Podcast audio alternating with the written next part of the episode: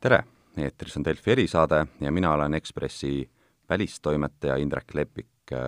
täna räägime USA valimistest ja seetõttu olen endale stuudiosse kutsunud Herman Kelomehe, mis, mis tiitli ma sulle võiksin anda? sa võid mind tituleerida kui ajakirjanik, vähemalt praegult, võib-olla endine ajakirjanik varsti, aga eks näeb mm. -hmm. väga hea eh,, hakkame kohe pihta. eile õhtul ehk siis Eesti aja järgi vara-vara hommikul oli USA-s järjekordne presidendikandidaatide vaheline debatt. see on nüüd läbi, esimesed emotsioonid on seeditud, mis sul meelde jäi sellest ööst? emotsioonidest rääkides võib äh, öelda nii palju, et neid oli vähem kui eelmisel korral. vahelesegamist oli vähem, see oli normaalsem debatt, selline, nagu ta tavaliselt on, kuigi eks Trump oli endiselt Trump aga sellisel nagu palju rohkem vaoshoitud viisil. Biden samal ajal oli täiesti tavaline Biden, keda me oleme näinud juba aastaid. no Trump nüüd on äh, tõeliselt äh, tagasi pärast oma haigust, koroonaviirusesse nakatumist, aga ega ta ju sellest ei pääsenud, et selline debati põhiteema vähemasti kõlama jäi ju ikkagi sellena, et ta ei ole hakkama saanud äh, Eh, sadu tuhandeid inimesi on surnud ja ükskõik, mis teine president Bideni sõnul oleks, oleks paremini hakkama saanud, et, et sellest ei pääsenud. jah, siin Kolu-, Columbia ülikool tuli välja ka uuringuga, kus nad siis väitsid, et äh, see arv inimesi, kes on surnud tarbetult, ehk siis kelle surma oleks saanud vältida, kui föderaaltasandil oleks paremini pandeemiaga hakkama saadud, et see võib olla kuskil kuuekohaline number ja jah, et seal pidi olema kuus teemat, igaühele viisteist minutit, lõpuks räägiti esimese teemana vist peaaegu pool tundi just koroonaviirusest. Ja ma arvan, et see lõik oli nagu peamine põhjus, miks Trump ilmselt ei saanud juurde mingisuguseid toetajaid, miks Biden ilmselt ei kaotanud toetajaid, miks ei juhtunud neid asju, mida oleks vaja selleks, et selles äh, valimisolukorras midagi nagu muutuks. Trumpi vastused, tema retoorika selles küsimuses oli lihtsalt täpselt seesama asi, mida ta räägib oma mingites Fox Newsi intervjuudes ja muudes sellistes kohtades, millest ei ole nagu tema sellisele lisavalija baasile, mida tal on vaja võitmiseks, nagu mitte mingit erilist tolku. ja Bideni jaoks oli ülesanne tegelikult lihtne, ta on olnud asepresident, ta on siis tegelenud pandeemiatega ja, ja ta peab lihtsalt ütlema mingisuguseid elementaarseid asju, ma ei tea, et et see oleks normaalne, kui kõik kannaksid maske ja president ei äh, ei võitleks selle vastu vähemalt retooriliselt, et, et kantaks maske ja nii edasi. jah, see on huvitav, et äh, ehkki nagu Trump oli tegelikult oma nõunike poolt selgelt äh, nii-öelda korrale kutsutud, et tõesti, nagu sa ütlesid, ta ei seganud kellelegi vahele, siis äh, väga paljud jutupunktid on, on, ma arvan, tavavalija jaoks tõesti väga esoteerilised, et seesama Trumpi poja Hunter Bideni küsimus, eks ole, Ukraina ja ja mingid segased rahad ja nii edasi, et et et see on nagu väga kitsa ringi teema üldse, kes sellest aru saab, et siin oli, oli see nüüd möödunud nädalal, kui oli see New York Posti lugu, mis, mis väidetavalt nagu väitis mingeid, mingeid kahtlaseid seoseid, aga, aga ma saan aru, et ka selle loo on ähm, noh, päris mitu nii-öelda tõsiseltvõetavat inimest äh, suhteliselt ümber lükanud. aga, aga mis, mis veel olid nagu need äh,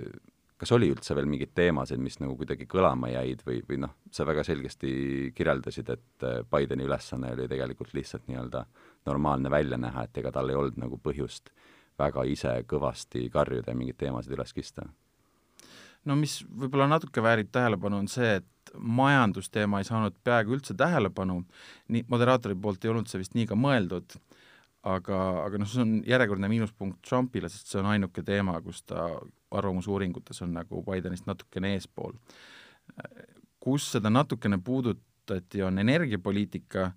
ja siin võib-olla on natukene huvitav see, et kas Trump kuidagi võtab ähm, Bideni vastuse sellest, et me lähme äh, naftamajanduselt üle rohelisele majandusele äh, et kas ta võtab kuidagi täiendavalt kasutada selle näiteks reklaamides, äh, näiteks Pennsylvanias, kus see teema on tähtis tegelikult, kus see on osa majandusest ja, ja, ja kus see üleminek äh, rohelisemale tulevikule võib tähendada mm, seal töökaotust. Pennsylvania on väga tähtis osariik Bideni jaoks, et see on tema koduosariik ja, ja kõige tõenäolisemalt see osariik, mis, mis valimised otsustab, kui tema võidab. aga, aga üldiselt ma pigem arvan, et et, et sellest debatist ei räägita kauem kui täna. arvestades, et kui kiiresti USA uudiste tsükkel muutub, kui vähe on valimiste lõpuni jäänud, kui palju siin asju võib veel juhtuda, et seda Hunter Bideni teemat võib-olla ka keritakse natukene edasi, aga see on järjekordne selline Fox Newsi vaatajaskonna teema, keda ei ole vaja täiendavalt veenda. jah, nemad lähevad nagunii valima ja, ja vähemasti minu enda jaoks on ikkagi nüüd nädalast nädalasse ka Ekspressi seda kolumnit kirjutades ja neid valimisi jälgides, et äh, päris paljud inimesed on nagu ära ehmatanud sellest, et Trump kahe tuhande kuueteistkümnendal aastal võitis ja on seetõttu hästi palju kompenseerinud kuidagi nagu Trumpi kasuks omaenda mingites prognoosides või asjades, et tegelikult vaatasin ka uuesti üle nendesama võtmeosariikide eh, tulemused kahe tuhande kuueteistkümnendal aastal ja tegelikult kui me räägime sellest, eks ole, et Trump suutis meeletult hästi oma toetajat agiteerida, valima tuua ja samal ajal Clinton oli täiesti noh, kõige Wall Streetim kandidaat nii-öelda, keda sa suudad ette kujutada, et siis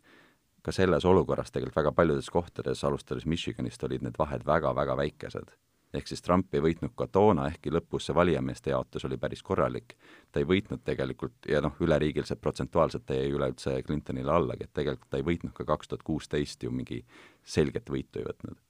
Selleks, et Biden võidaks, kõige lihtsam tee on see, et ta võidab kõik need osariigid, mille Clinton niikuinii võitis, ja siis need kolm osariiki, mille Clinton kaotas kõige napimalt, Michigan, nagu sa ise nimetasid, Pennsylvania, nagu me juba rääkisime,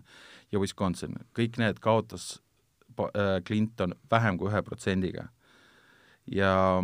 noh, meil on, me oleme siin levitanud või avalikkuses on levitatud sellist müüti nagu, et need arvamusküsitlused oleksid olnud kaks tuhat kuusteist jube äh, mööda, noh osariikide tasandil natukene nagu olid ka, eriti nendes kolmes, aga rohkem tulenes, mulle tundub, see šokk Trumpi toonasest võidust sellest, et see lihtsalt tundus nii uskumatu, et selline inimene võiks saada presidendiks. ja, ja seetõttu magati maha nagu see Trumpi sellise viimase hetke tagasitulek, ta suutis enda poole pöörata päris palju nendest, kes ei olnud veel otsustanud,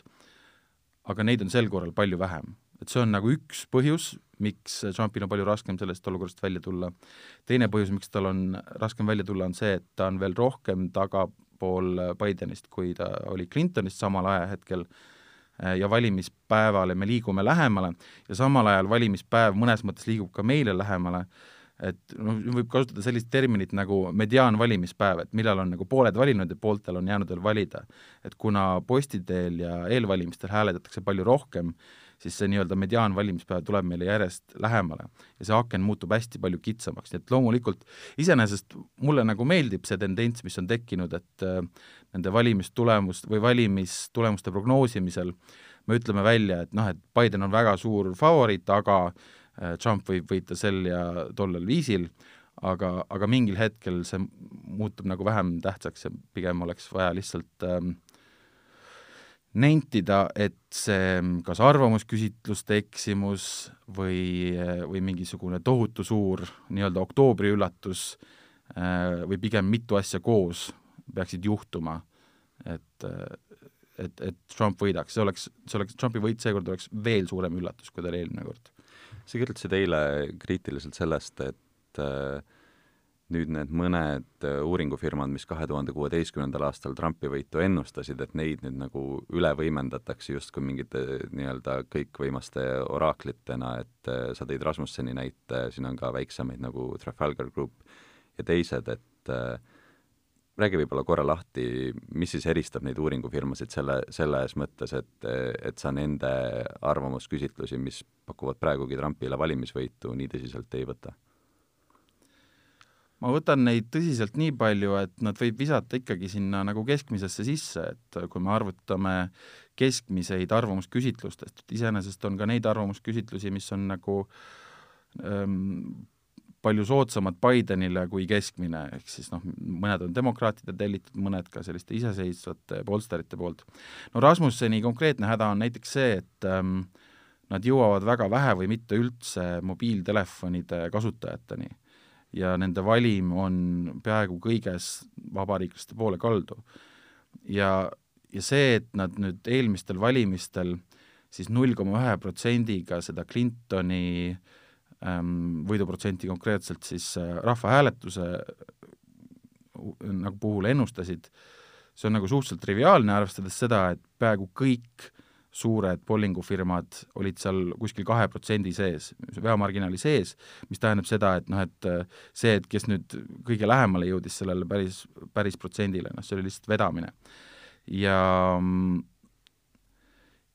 ja, ja ma, ma nagu ei võtaks neid ülemäära tõsiselt just nimelt sellepärast, et, äh, et need sellised kalded on neil nagu pidevad kogu aeg ühes suunas, kogu aeg ühepalju, võrreldes mingisuguse keskmisega, kuigi sellise nagu korraliku bowlingufirma puhul me pigem näeksime seda, et äh, tulemused lähevad natukene erinevatesse kohtadesse, aga et noh, keskmisena joonestub midagi normaalset välja. jah, e, jällegi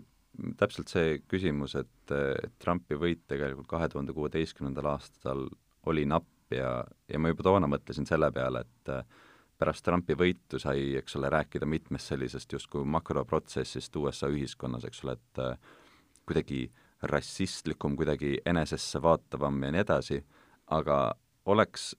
valimised natukene teisiti läinud, Clinton teinud Roostevööndis paremat kampaaniat, oleks ta võtnud need osariigid, siis oleks räägitud sellest, et eh, esimene naispresident, eks ole, eh, rannikualade nii-öelda mingi renessanss, linn, kõik innovatsioon ja nii edasi, nii edasi, nii edasi, et tegelikult eh, need hoovused mõlemad on seal USA ühiskonnas kogu aeg olemas ja nad on siianigi seal olemas, et, et samamoodi ka demokraatide seas on selline äh, ütleme siis USA äh, terminoloogia järgi selline väga progressiivne ja liberaalne pool, eks ole, nii nagu on vabariiklikus parteis äh, see pool, kes on ka ideoloogiliselt äh, Trumpi selja taga.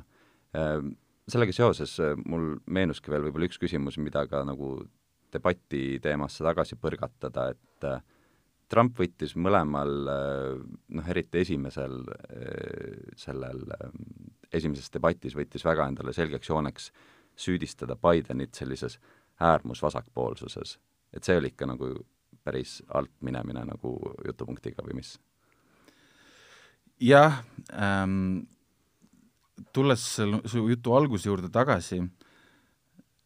on tõesti meedial kombeks ähm,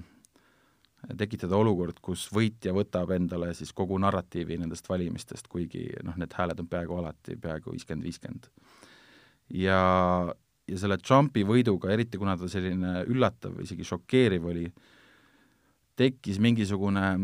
Trumpi mingisuguse kõikvõimsuse või mingi intuitiivse geniaalsuse müüt,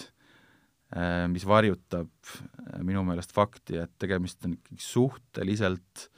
andetu poliitika, poliitikuga, mis, mis puudutab nagu seda, et sa tahad ikkagi võimalikult palju hääli saada, võimalikult palju toetust saada, ta ei ole mitte kunagi olnud oma ükskõik kas toetus Bideni vastu või toetus tema ametiks hakkamasaamisele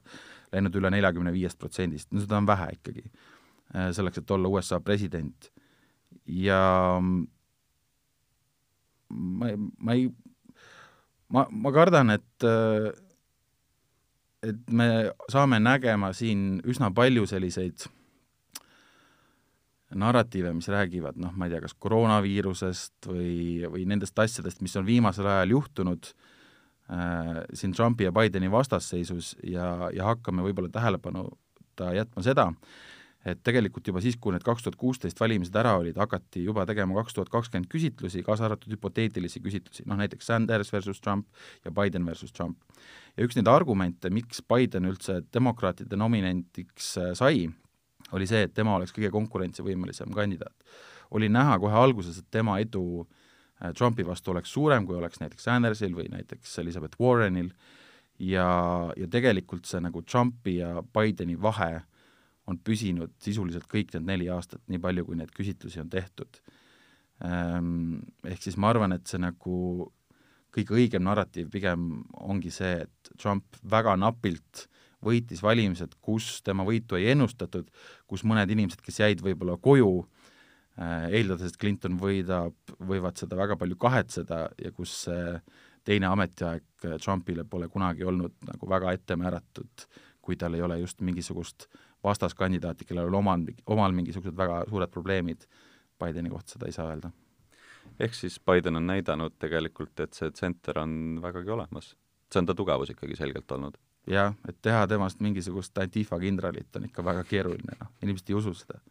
järg, järg, järjekordselt väljaspoolt seda Fox Newsi mulli, noh, keegi ei usu seda. kõik teavad, kes Biden on. jah, Bideni eelis on tõesti see, et ta on olnud avalikus teenistuses ikkagi jah, saab öelda enamiku oma elust. et, et, et selles suhtes ta on nagu läbi ja lõhki tuntud ja ka kõik tema sellised vahel ka aastakümnete tagused ütleme siis eksimised tänaste moraalinormide vastu, ka need on kõik tegelikult juba ammu aastaid ka tema asepresidendi ajal meediast läbi käinud, et, et selles mõttes tema puhul nagu üllatusi tõesti väg-, väga vähe, aga äh, kui me räägime nüüd äh, ikkagi sellest ametlikust äh, valimispäevast, kolmandal novembril, siis äh, siin on nüüd jäänud aega vähe äh,. Ja ometi, mis sa arvad, mis selle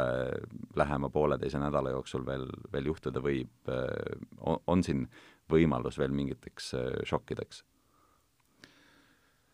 neli aastat tagasi samal ajal, ma mõtlen konkreetselt tänast päeva, äh, ehk siis valimispäeva nädalale üle-eelneva nädala reede. Äh, see oli siis veel, veel viimane päev, kus, ähm, kus siis see five thirty eight'i prognoos sellest, et kelle võiduvõimalused on kui suured, näitas Clintonit üle kaheksakümne protsendi, kus on praegult ka Biden, ja see oli ühtlasi päev, äh, kus siis James Comey saatis äh, USA kongressi teatud inimestele teate sellest, et Hillary Clintoni vastu on algatatud äh, uurimist tema e-kirjade tõttu, kust lõpuks ei leitud midagi, aga noh, see sündmus selgelt mõjutas toonaseid valimisi. Et öelda, et on äh, liiga hilja, oleks võib-olla liialdus, aga samas veel kord, paljud on juba hääletanud, paljud on juba ära otsustanud, kelle poolt nad hääletavad, äh, isegi olukorras, kus nad ei ole veel hääletuskasti juurde jõudnud või posti pannud oma sedelit ja ja mõnes mõttes tekib ka küsimus sellest, et kui mõjus saab selline üllatus üldse olla, on ju. toona see oli James Comey, FBI peadirektor, vabariiklane, kes oli demokraadi poolt äh, ametisse nimetatud ja selline no neutraalne ja auväärne isik. et noh, et kui nüüd Rudy Giuliani New York Posti kaudu midagi avaldab, sellel ei pruugi olla samasugust mõju. ja eriti olukorras, kus Trump kogu aeg levitab mingisuguseid vandenõuteooriaid ähm, igasuguseid süüdistusi oma oponentide pihta. Et ma nagu kahtlen selles, et äh, kui suur saab olla mingisuguse üllatuse mõju, kui ta just ei ole midagi sellist, nagu oli see Comey asi, mis tuleb kuskilt mujalt kui Trumpi kampaaniast, aga see peab olema siis midagi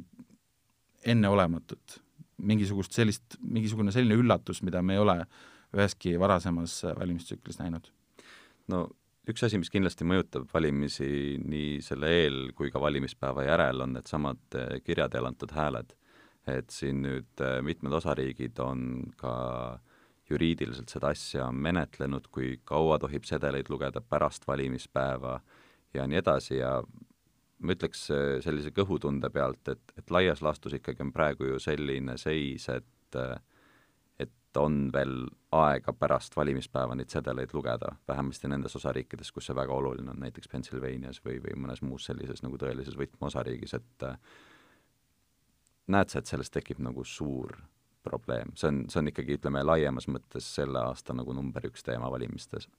jaa, teoreetiliselt jah. Ähm,, praktikas ma arvan, kõik ja ma mõtlen siin nüüd seda, et äh, kas tekib mingi probleem nende posti teel hääletamistega mingisuguste kohtusse kaevamistega äh,, igasuguse nii-öelda valimiskaosega, noh, nagu see, mida me nägime aastal kaks tuhat Floridas, kus äh, Bush ja Gore jäid lõpuks kuskil viiesaja hääle sisse. ma arvan, kõik see sõltub sellest, kui suur see vahe lõpuks on. et kui noh, Bideni edu jääbki seal üleriigiliselt kuskil kaheksa kuni kümne protsendi juurde siis tegelikult ei ole välistatud isegi see, et need osariigid, kus ei ole seda pärast valimispäeva äh, posti teel saadud häälte arvestamise võimalust, näiteks Florida ja Arizona, kes tegelikult on ka mm, harjunud suht-, ka varasemalt suhteliselt suure koguse posti teel antud häältega, nemad võivad saada mm, oma hääled loetud ka juba valimisõhtul. me võime saada juba valimisõhtul teada näiteks selle, Äh, no kui see Bideni edu on suur, me võime saada teada, et Biden on võitnud Florida ja Arizona ja kuigi me ei pruugi kuulda siis CNN-is Wolf Blitzerit välja kuulutamas, et nüüd Biden on võitnud, siis, siis võib juhtuda, et juba valimise õhtul me sisuliselt ikkagi teame. Kui nüüd näiteks juhtub, et ähm, sealsamas Floridas ja Arizonas on seis kas väga napp või isegi, et Trump võidab,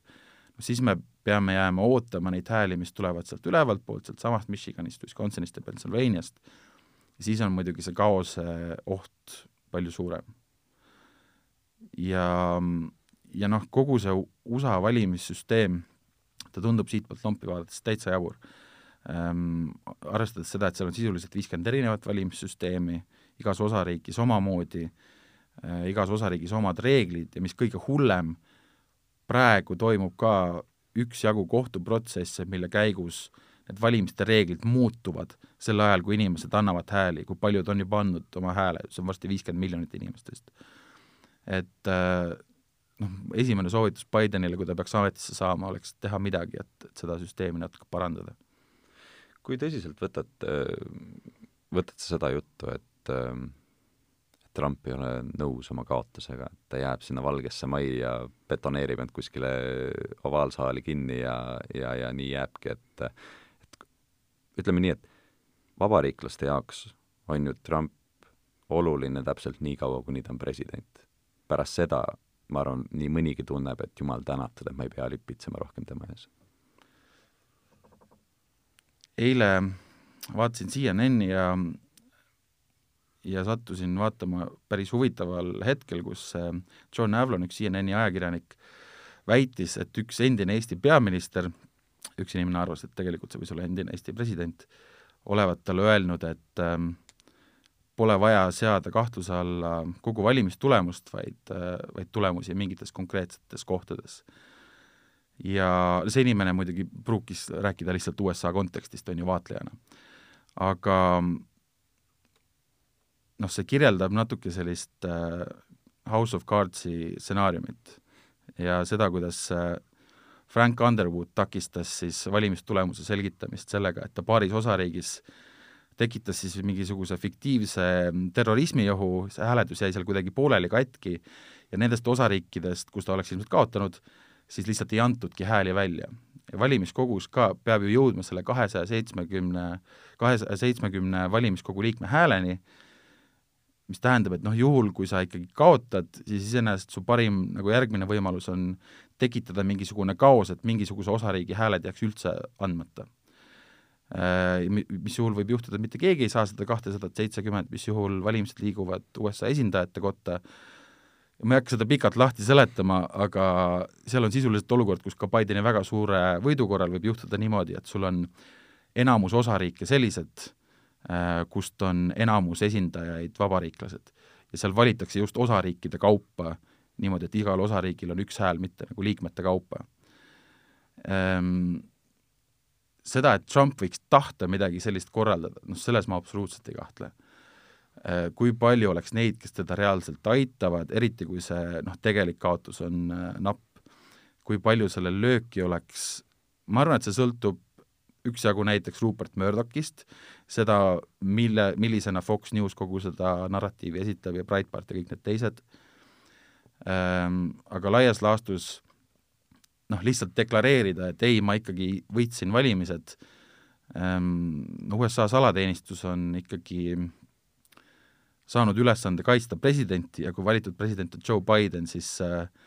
siis salateenistuse üks ülesanne saab olema siis kahekümnenda jaanuari keskpäeval, kui ametisse vannutamine toimub, teha, teha Valge Maja valmis selleks, et uus president sa-, saaks tulla sinna ametit pidama. et noh, et il-, ilma nagu legitiimse legaalse valimisvõiduta mul on nagu raske näha, et kuidas seda, kuidas see juhtuda saaks ja miks peaks mingid inimesed talle alluma ja, ja mitte näiteks selle eest kriminaalsüüdistust saama. jah kirjutasin ise paar nädalat tagasi, kasutasin ta kohta niisugust väljendit nagu populisti karikatuur, et, et tegelikult äh, ongi ju Trumpi probleem see, et erinevalt Ladina-Ameerika autoritaarsetest juhtidest äh, tal ei ole ju, mis ei ole ka USA-s võimalik, tal ei ole ühegi jõuametkonna toetust, et, et päriselt nagu kuidagi põhiseadust äh, eirata, mistõttu ma arvan ka, et pigem ootab teda valimiskaotuse korral ilmselt vägagi populaarse noh, niisuguse konservatiivse kommentaatori amet, et, et, et see on omaette nagu suur, suur sektor, mida vist Eestis ongi natukene raske mõista, kuigi pärast Tre raadio esile kerkimist võib-olla natukene vähem jälle. tead, ega eelmine kord juba, kaks tuhat kuusteist oli juttu selles, et Trump äkki asutab omaenda telekanali, eks ta võib ka seekord midagi sellist mõelda. Üleüldse Trump ei pruugi ära kaduda ja no kaks tuhat kakskümmend neli valimistel oleks ta sama vana kui Joe Biden praegult. nii et ilmselt me elame temaga nii kaua, kui ta teovõimeline on, aga aga, aga siin tuleb nagu mängu see USA nii-öelda spoils system või või asjaolu sellest, et äh, uue presidendiga tuleb kaasa nagu tuhandeid äh, ametnikke nendes ministeeriumites, mida mõned peab senat kinnitama, mõnesid ei pea, aga igal juhul see süsteem mõnes mõttes mängib praegult nagu demokraatia kasuks, kuigi, kuigi seal võib nagu muidu ohtusid näha, selle võrra, et noh, kõik need kes vähegi on lojaalsed Trumpile, on tema poolt sinna nimetatud ja kui Trump kaotab, siis nad peavad sealt ka ära minema ja tulevad uued inimesed asemele. seda, et nüüd mingisugused äh, reaametnikud või kindralid või sellised Trumpi poolel asuks, miks nad peaks? Ma arvan, et selle tõdemusega saame hakata ka saatele joont alla tõmbama, ma küsin veel enne ära, et ähm, kas, kas me saame selle saate kokku võtta selle tõdemusega, et äh, see oleks suur üllatus, kui Biden ei võidaks? jah, see oleks, ähm, ma arvan,